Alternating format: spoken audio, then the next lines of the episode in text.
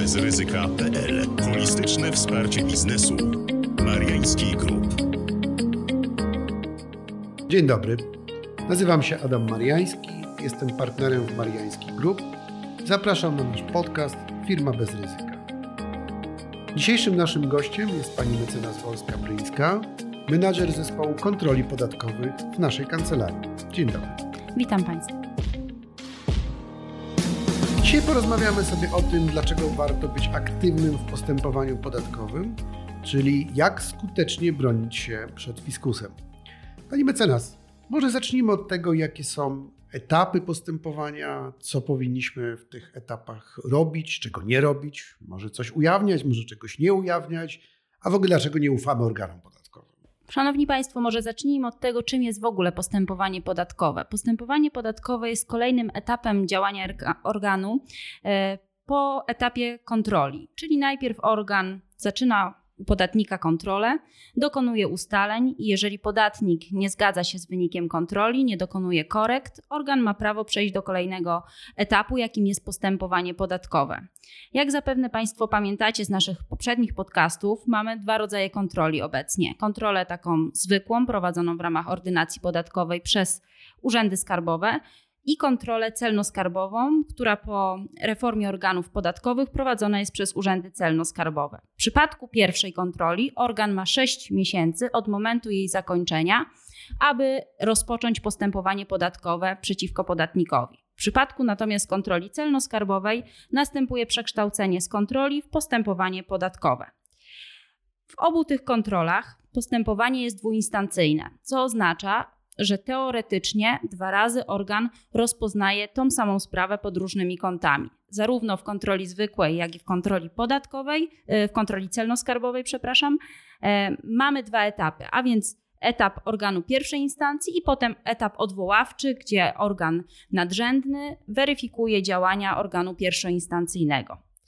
Zasadniczo, tak jak przywykliśmy w kontroli większości postępowań, gdzie gospodarzem jest organ podatkowy, inicjatywa dowodowa leży po stronie organu. Co to oznacza w takim naszym rozumieniu potocznym? Oznacza to, że tak naprawdę to organ powinien ustalić wszystkie niezbędne fakty, informacje w sprawie e, i na tej podstawie wydać najpierw wynik, a potem decyzję. Ale czy warto pozostawić mu inicjatywę? I to właśnie pytanie będzie przyświecało dzisiaj nam w podcaście zastanowimy się, na jakim etapie warto włączyć się w działania organu, e, jakie dowody przytoczyć i w jaki sposób bronić swoich racji. Tym bardziej, że ta kwestia ciężaru dowodowego w postępowaniu podatkowym, w innych postępowaniach prowadzonych przez organy podatkowe od wielu lat budzi różne wątpliwości. Nawet swego czasu organy podatkowe i niestety także sądy administracyjne próbowały przerzucać ten ciężar na podatnika, mówiąc, że to on ma udowodnić wszystkie niezbędne okoliczności faktyczne dla rozstrzygnięcia sprawy. Na szczęście, także po orzecznictwie Trybunału Konstytucyjnego, już dzisiaj wiemy, właściwie wiedzieliśmy od początku, tylko organy i sądy nie wiedziały, ale także one już dzisiaj wiedzą, że ten ciężar spoczywa właśnie na organach podatkowych. Ale to nie jest takie proste, że spoczywa tylko na nich, no bo jak my czegoś nie przedstawimy, to również negatywne konsekwencje będą dla nas. Zastanówmy się, jakie są te obowiązki organów podatkowych, jakie ewentualnie obowiązki i prawa ma podatnik. Tak jak wspomnieliśmy, co do zasady, to organ jest gospodarzem kontroli, a potem postępowania, a więc on decyduje o tym, jakie dowody są przeprowadzane i na jakie okoliczności. I tu już nam się właśnie powinna zapalić lampka, bo skoro organ będzie w pierwszej kolejności dobierał dowody, e, to jest to w dużej mierze też prawdopodobne, że postawi sobie jakieś tezy i te dowody będą służyły tylko zrealizowaniu z góry powziętej tezy. A jak wiemy, jeśli organ wchodzi na kontrolę, to raczej bez ustaleń z niej nie wychodzi. W związku z tym, i tu już pierwszy krok podatnika podczas samej kontroli, gdzie jest dużo przeprowadzanych dowodów w postaci zeznań świadków, przedkładania dokumentów i gdzie warto się włączyć. I na tym etapie tak naprawdę jeszcze nie wiemy do końca, w którym kierunku organ pójdzie i jakie będzie ustalenia czynił finalnie ale warto już na tym etapie zadbać o to, aby brać udział w takich czynnościach, chociażby jak przesłuchania świadków, e, jak weryfikacja złożonych do akt dokumentów sprawy i zbadanie, czy organ miał prawo takie dokumenty dopuścić i w takiej formule.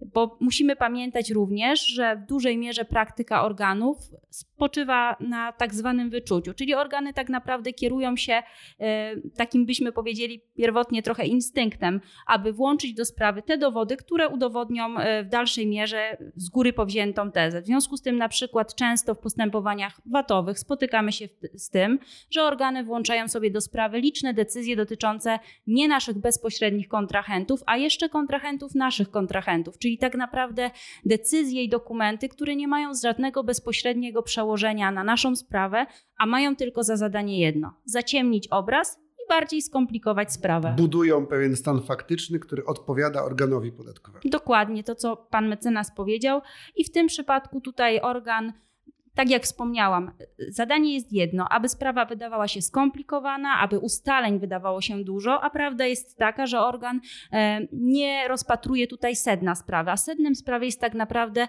świadomość podatnika w całym tym procederze. I organ, dokonując licznych włączeń, powoduje, że wydaje nam się, że bardzo dużo poczynił ustaleń, że tutaj nie ma wątpliwości co do tego, że podatnik przecież powinien przeprowadzić czynności, których tak naprawdę e, nie miał jak przeprowadzić prowadzić, ponieważ na przykład w 2015 roku nie dysponowano takimi narzędziami jak chociażby Biała Księga Podatników VAT lub inne narzędzia, na które obecnie powołuje się organ, a poza tym podatnik nie ma w dużej mierze dostępu do takich narzędzi jak organ. I cel jest jeden, upozorowanie tak naprawdę dużej ilości czynności, które w efekcie nie prowadzą do e, wywiedzenia wniosków dowodowych żadnych konkretnych. No dobrze, ale to w takim razie jak dalej e, ma postępować podatnik? Oczywiście podatnik na każdym etapie sprawy przede wszystkim ma prawo do wglądu do akt sprawy i zgłaszania wniosków dowodowych. I to jest istotne, aby już od samego początku postępowania podatkowego, a także jak wspomniałam nawet kontroli, włączyć się w działania organów, na bieżąco je śledzić,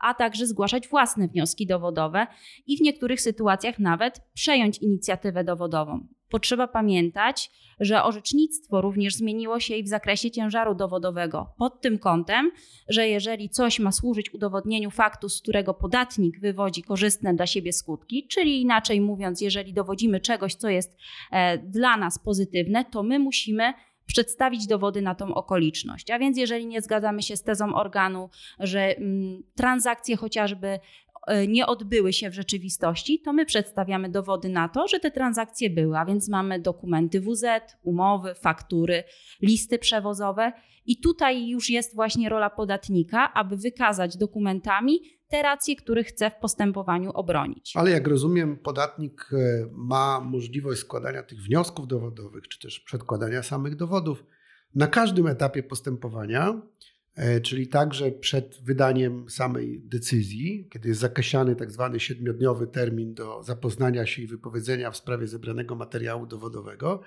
I w zależności od przyjętej taktyki w tym postępowaniu, nie zawsze musi od razu ujawniać wszystkie dowody, czy też składać od razu wszystkie wnioski dowodowe, e, ponieważ to zależy od konkretnej sprawy, podejścia i przygotowania. Organ ma swoją taktykę, włączając te różne dokumenty, protokoły, zeznania, budując pewną historię, więc tym bardziej my powinniśmy mieć także swoją. Tutaj się to zgadza e, w 100% i jest to przewaga niewątpliwie postępowania podatkowego nad postępowaniem w tej chwili chociażby cywilnym, gdzie mamy do czynienia z różnymi prekluzjami, zawitymi terminami, gdzie tak naprawdę wstępując w spór musimy wyłożyć wszystkie karty na stół.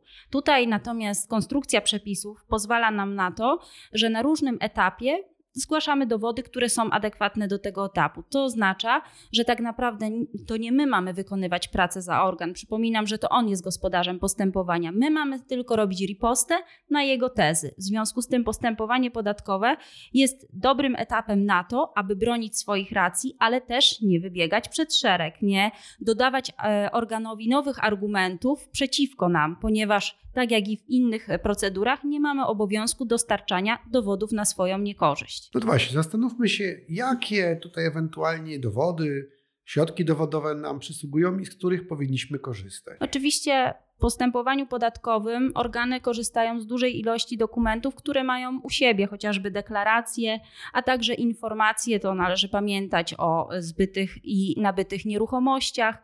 E, natomiast jeżeli my mamy w jakiś sposób bronić swoich racji, to też, już jak pan mecenas wspomniał, zależy w dużej mierze od tego, czego sprawa dotyczy Jaki jest stan faktyczny sprawy? Najczęściej zgłaszanymi dowodami przez podatników będą z pewnością zeznania świadków, bo one w każdym rodzaju postępowania e, w dużej mierze potwierdzają rację i e, postawę podatnika za słuszną.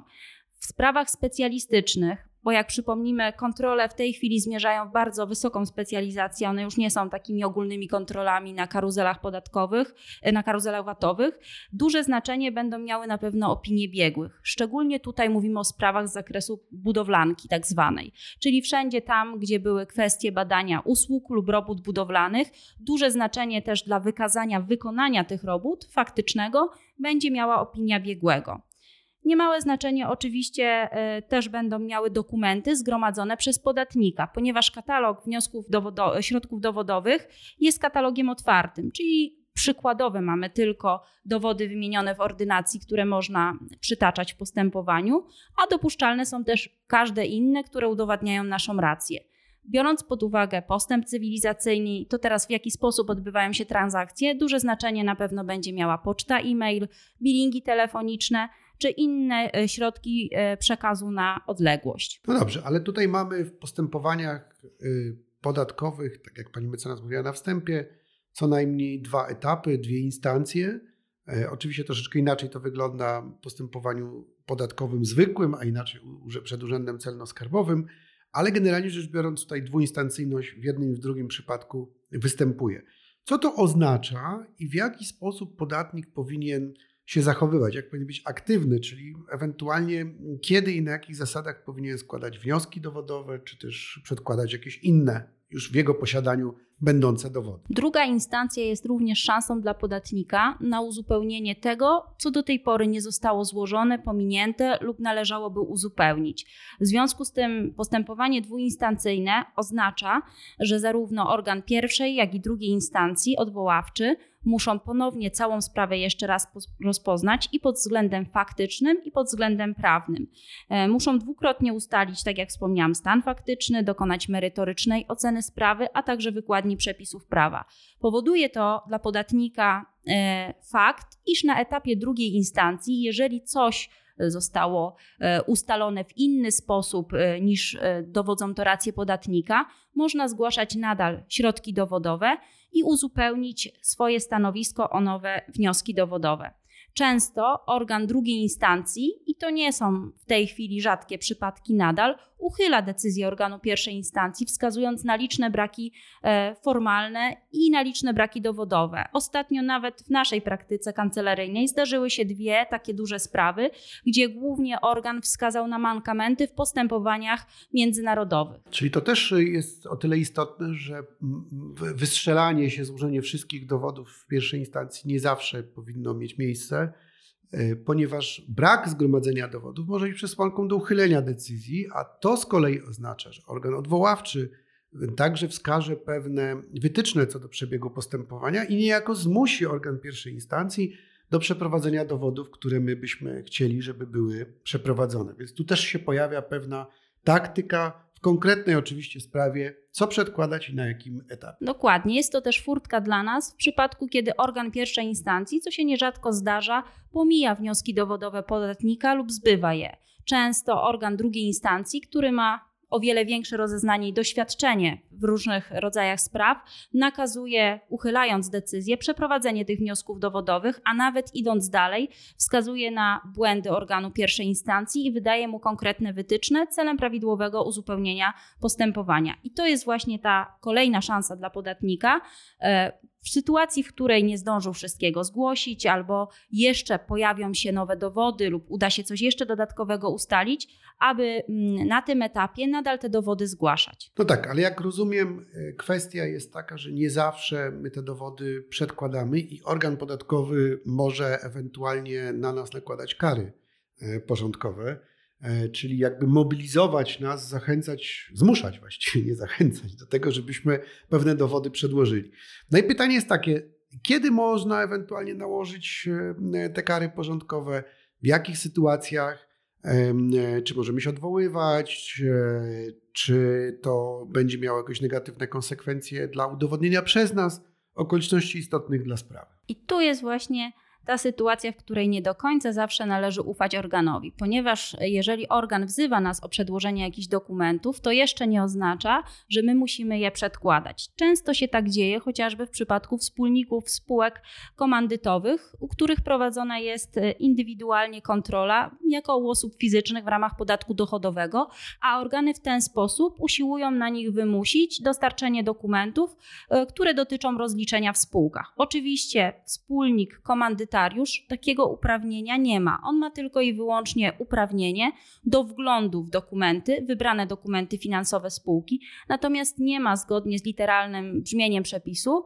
prawa do tego, aby te dokumenty od spółki wydobyć, a tym bardziej skopiować je i przekazać do organu. Organy często próbują tak iść na skróty i uszykować sobie furtkę do kontroli w innych podmiotach. W związku z tym warto na takie sytuacje zwrócić uwagę, ponieważ nie każde wezwanie organu e, oznacza, że będziemy mogli je zrealizować. Mało tego, musimy też zastanowić się, w jakiej jesteśmy sytuacji, ponieważ wielokrotnie, na przykład podczas przesłuchań, zdarza się, że organ pracowników wypytuje o informacje dotyczące tajemnicy przedsiębiorstwa, dokumentów, które e, były w obiegu w spółce, a których tak naprawdę pracownik, jako pracownik danej spółki, nie ma prawa ani e, na zewnątrz ujawniać, a tym bardziej przedkładać do organu. Czyli rozumiem, jak organ podatkowy na nas nałoży karę porządkową, to nie jest koniec świata. Możemy się odwoływać, wykazywać niezasadność jego żądania, określonego zachowania, czy stawiennictwa się, przedłużenia e, dowodów przez taką lub inną osobę. No i tutaj nam przysługuje normalny tryb odwoławczy, łącznie ze skargą e, do sądu administracyjnego. Tak, oczywiście. Na postanowienie takie możemy składać zażalenie, możemy też składać wniosek o uchylenie kary, wykazując, że albo była to sytuacja losowa po naszej stronie, czyli tu mówimy o sytuacjach typowo chorobowych, albo tak jak wspomniałam, przykładzie, który był przed chwilą przytoczony, my po prostu nie mogliśmy takich dokumentów posiadać, ponieważ organ nie może nakładać na nas obowiązków, które są niemożliwe do spełnienia. No dobrze, to dzisiaj poruszyliśmy tutaj pewne zagadnienia dotyczące, można powiedzieć, taktyki postępowania w kontroli postępowaniu podatkowym, tego jak się zachowywać, co robić, jakie ma obowiązki organ podatkowy, jakie my mamy prawa. To może podsumujmy. Pani mecenas, jakie są korzyści z bycia aktywnym w postępowaniu podatkowym, zwłaszcza w postępowaniu dowodowym? Przede wszystkim od samego początku bronimy swoich racji, forsujemy swoje stanowisko. Musimy pamiętać, tak jak wspomniałam, że organ z góry zakłada sobie jakąś tezę wchodząc na kontrolę i pod pewnymi konkretnymi kierunkami nas kontroluje. W związku z tym budujemy już swoje stanowisko na etapie postępowania podatkowego, popieramy je właściwymi wnioskami dowodowymi, które w dużej mierze ułatwią nam też w przypadku, nazwijmy to e, kolokwialnie, porażki w postępowaniu podatkowym, bronić się przed sądem administracyjnym. Bo tu musicie mieć Państwo też na względzie, że postępowanie przed sądem administracyjnym to już jest postępowanie przed osobami profesjonalnymi. Tam zasiadają prawnicy, którzy posiadają szeroką wiedzę z różnych dziedzin. W związku z tym jest to też także etap, na którym już ciężko jest przytaczać kolejne wnioski dowodowe i musi to być bardzo dobrze uargumentowane, aby sąd przychylił się do tezy, iż rzeczywiście podatnik bez swojej winy z opóźnieniem takie wnioski zgłasza. Warto oczywiście walczyć do końca i na etapie również sądów e, administracyjnych zgłaszać takie wnioski dowodowe. Niemniej pamiętajmy, że jeżeli chodzi o nasze stanowisko i nasze racje, to kluczowe jest tu postępowanie podatkowe, gdyż też to buduje naszą wiarygodność i przed organem, i przed sądem. Warto może dodać, że taktykę najlepiej ustalić na samym początku kontroli podatkowej, jeszcze przed postępowaniem podatkowym, ją realizować, później oczywiście modyfikować w zależności od zachowania się organu podatkowego. Natomiast czym później włączy się profesjonalny pełnomocnik do takiego postępowania, tym może być trudniej, bo szereg różnych wyjaśnień, e, wskazówek mogą być udzielone niepełne, nieprawidłowo albo nieprecyzyjnie co organ podatkowy oczywiście może wykorzystać na naszą niekorzyść, bo taki ma jakby zadanie, czyli żeby wykazać nieprawidłowość rozliczenia podatkowego. Czyli po raz kolejny kłania się kwestia braku zaufania do organów podatkowych, podchodzenia podczas, zwłaszcza podczas kontroli podatkowych, oczywiście nie mówię na, na temat codziennych mm, e, kontaktów, chociaż tutaj też ostatnio bywa różnie, tak żeby jednak podchodzić jako do przeciwnika procesowego, a nie do osoby, która nam chce w jakiś sposób pomóc. Wręcz nawet deklaracje, że tutaj chcemy pomóc, wyjaśnić, często są po prostu zwykłą pułapką, e, do której nas kontrolujący zapędzają po to, żeby wyciągnąć informacje, dowody dla nas niekorzystne. Także dzisiaj poruszyliśmy te zagadnienia mm, wstępnie. Oczywiście także omawialiśmy je w innych podcastach dotyczących kontroli podatkowych e, i innych e, postępowań. Warto też zwrócić uwagę na to, że takim, taką osobą, która powinna uczestniczyć od samego początku w tych postępowaniach, jest pełnomocnik ogólny, czyli taka osoba, która jest ustanowiona jeszcze przed wszczęciem jakiegokolwiek postępowania, nawet czynności sprawdzających, a nie można jej pominąć właśnie w jakimkolwiek stadium tych postępowań, więc jest gwarantem stosowania prawa, e, e, stosowania zwłaszcza przez organy podatkowe, tak żeby nie było nadużycia tego prawa procesowego. Dziękuję bardzo. Dzisiaj moim gościem była pani mecenas Wolska-Bryńska, menadżer zespołu podatkowego w naszej kancelarii. Dziękuję. Dziękuję również. Do usłyszenia i zapraszam na kolejne nasze podcasty Firma bez ryzyka.